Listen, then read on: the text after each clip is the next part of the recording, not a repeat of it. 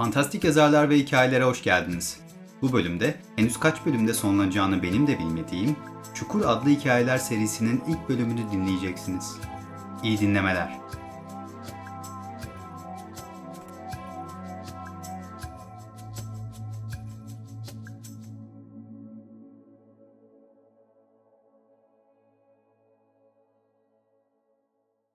Telefonu çaldığında bir süredir tavanı seyrediyordu.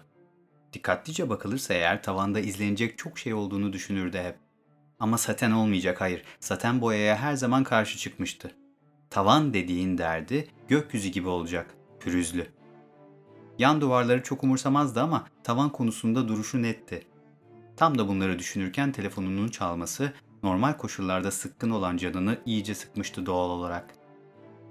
Arayan başının belası arkadaşı Hakan'dan başkası değildi. Ancak bu baş belası Hakan, insanları uzaklaştıran doğasına katlanabilen çevresindeki tek kişiydi aynı zamanda. Mert, haberleri aç çabuk. 9. kanal, dedi Hakan. Sesi her zamanki gibi heyecanlı geliyordu. Yine ne var? Çok meşgulüm oldu Mert'in cevabı. Sesi her zamanki gibi bezgin çıkmıştı. Of, meşgul olmadığını öyle eminim ki. Aç dedim hadi. Tamam tamam açıyorum. Bir süre arandıktan sonra koltuğun üzerinde bulduğu kumandanın 9. tuşuna bastı. Telefon görüşmesinin sesini dışarı verdiğinden Hakan'ın sesi duyulmaya devam etti.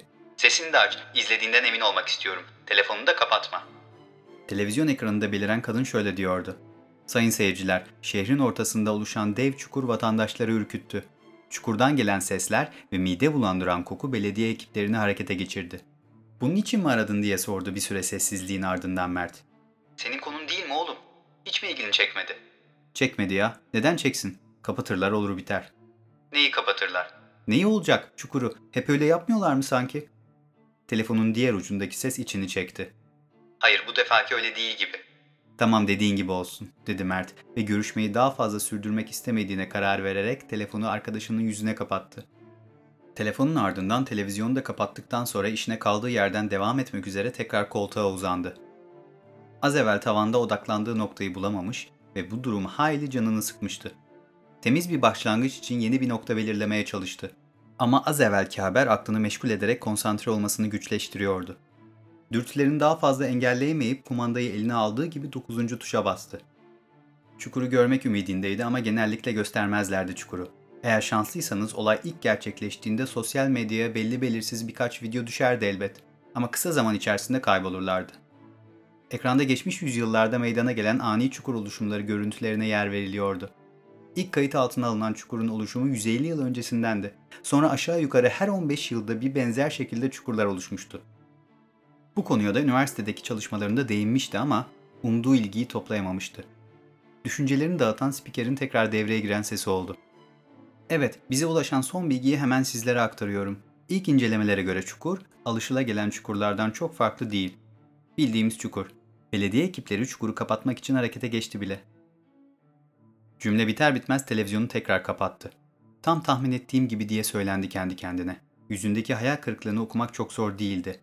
Bu konuda yine umutlanmasına izin verdiği için kendisine kızdı. Evin duvarlarının üstüne gelmeye başladığını hissetti ancak dışarı çıkmaya da üşeniyordu. Balkonda sigara tüttürmeye karar verdi.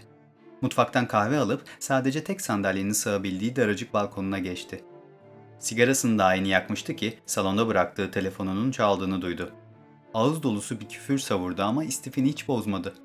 Telefonun sesi kısa bir süre sonra kesildi. Arayanın işi çok acil değildi herhalde ki uzatmamıştı. Yine dikkatini sigarasına ve kahvesine vermiş gibi görünse de zihnini geçmişe gitmekten alıkoyamadı. Çukurlara karşı duyduğu nefretle harmanlanmış merak duygusuyla birlikte düşüncelere daldı.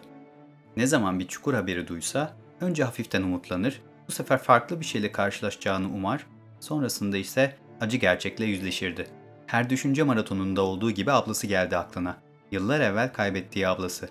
Ölümünün sebebini bir türlü öğrenemediği 15 yıl önce ortadan bir anda kaybolan ablası. Önce hüzünle, sonra özlemle doldu zihni. Sıra tam ablasıyla ilgili hatırladığı güzel anılara gelmişti ki telefonu tekrar çaldı. Küfür ede ede hınçla içeri telefona doğru koştu. Sinirinden arayanın Hakan olmadığını görmemişti bile. Yine ne var Allah'ın belası, bildiğimiz çukurmuş işte diye cevapladı arayanı. Merhaba Mert Tekir. Telefonun diğer ucunda tanımadığı bir ses vardı. Şaşkınlığını gizlemeye çalışmadı. Merhaba. Kimi aramıştınız? Kimi olacak sizi aradım elbette. Haberleri izlemişsinizdir Mert Bey. İzledim veya izlemedim. Size ne bundan canım? Hem siz kimsiniz? Karşıdaki ses kısa bir esten sonra cevap verdi. Kim olduğum şu aşamada çok da önemli değil. Ya öyle mi? O zaman önemli olan aşamaya geldiğimizde haber verirsiniz, dedi ve telefonu kapattı. Geçmişte de bu şekilde birdenbire peydahlanan çukurlar söz konusu olduğunda, çukurlarla ilgili geçmişini ve çalışmalarını bilen bazı gazeteciler onu arardı ve gayeleri daha ziyade dalga geçmek olurdu. Uzun zamandır benzer tipleri dikkate almıyordu ve yaşı ilerledikçe, artık kırklarındaydı, tahammül düzeyi iyice azalmıştı. Sinirleri tepesine çıktığı için balkona çıkıp bir sigara daha terlendirmek niyetindeydi telefonu bir kez daha çalmaya başladığında. Bu defa umursamadan gelen aramayı reddetti ve balkona çıktı. Tam oturacaktı ki bu defa kapı zili çaldı. Bir hışımda kapıya yöneldi ve açtığında karşısında biraz ürkmüş haldeki apartman görevlisini buldu. Ne var diye sordu. Zaten ürkmüş adamcağızı biraz daha ürkütmekten ürkmeden. Mert abim aşağıda bir kadın var. Seni acilen görmesi lazımmış. Mert'in aklına az önce telefonda konuştuğu kadın geldi. Kimmiş? Söyledi mi? Yok, söylemedi abi. Kapıyı adamın yüzüne kapattı ve tekrar balkona gitti. Balkona apartmanın girişine bakıyordu ve buradan kadını görmesi mümkün olacaktı. Aşağı doğru baktığında gerçekten de kendisine doğru bakan bir kadın olduğunu gördü. Kadın önce elindeki cep telefonunu, sonra da Mert'i işaret etti. Mert ne var anlamına gelen bir hareket yapmaya yelteniyordu ki telefonu çaldı. Efendim? Yarım saate çukurun orada ol. dedi kadın ve cevap fırsatı vermeden kapattı. Telefonu kapattıktan sonra resmi plakalı bir aracın arka koltuğuna bindi ve geride düşünceleriyle baş başa kalan Mert'i bıraktı. Merakını bastırmak ve sonradan bunun pişmanlığını yaşamamak için gitmekten başka çaresi yoktu elbette. Adeti olmamasına rağmen tam zamanında çukurun oraya varmıştı. Olay yerinin etrafı sivillerin girmesini önlemek amacıyla sarılmış durumdaydı ve hemen önünde etten kalkan görevi gören polisler dizilmişti. Beyefendi geçemezsiniz, lütfen geri dönün, dedi kalkanın hemen önünde biraz serbestçe duran polis. Amirleri olmalıydı. Tam itiraz edecekti ki, arkalardan henüz yalnızca telefondan tanıdığı ses, bırakın geçsin, dedi.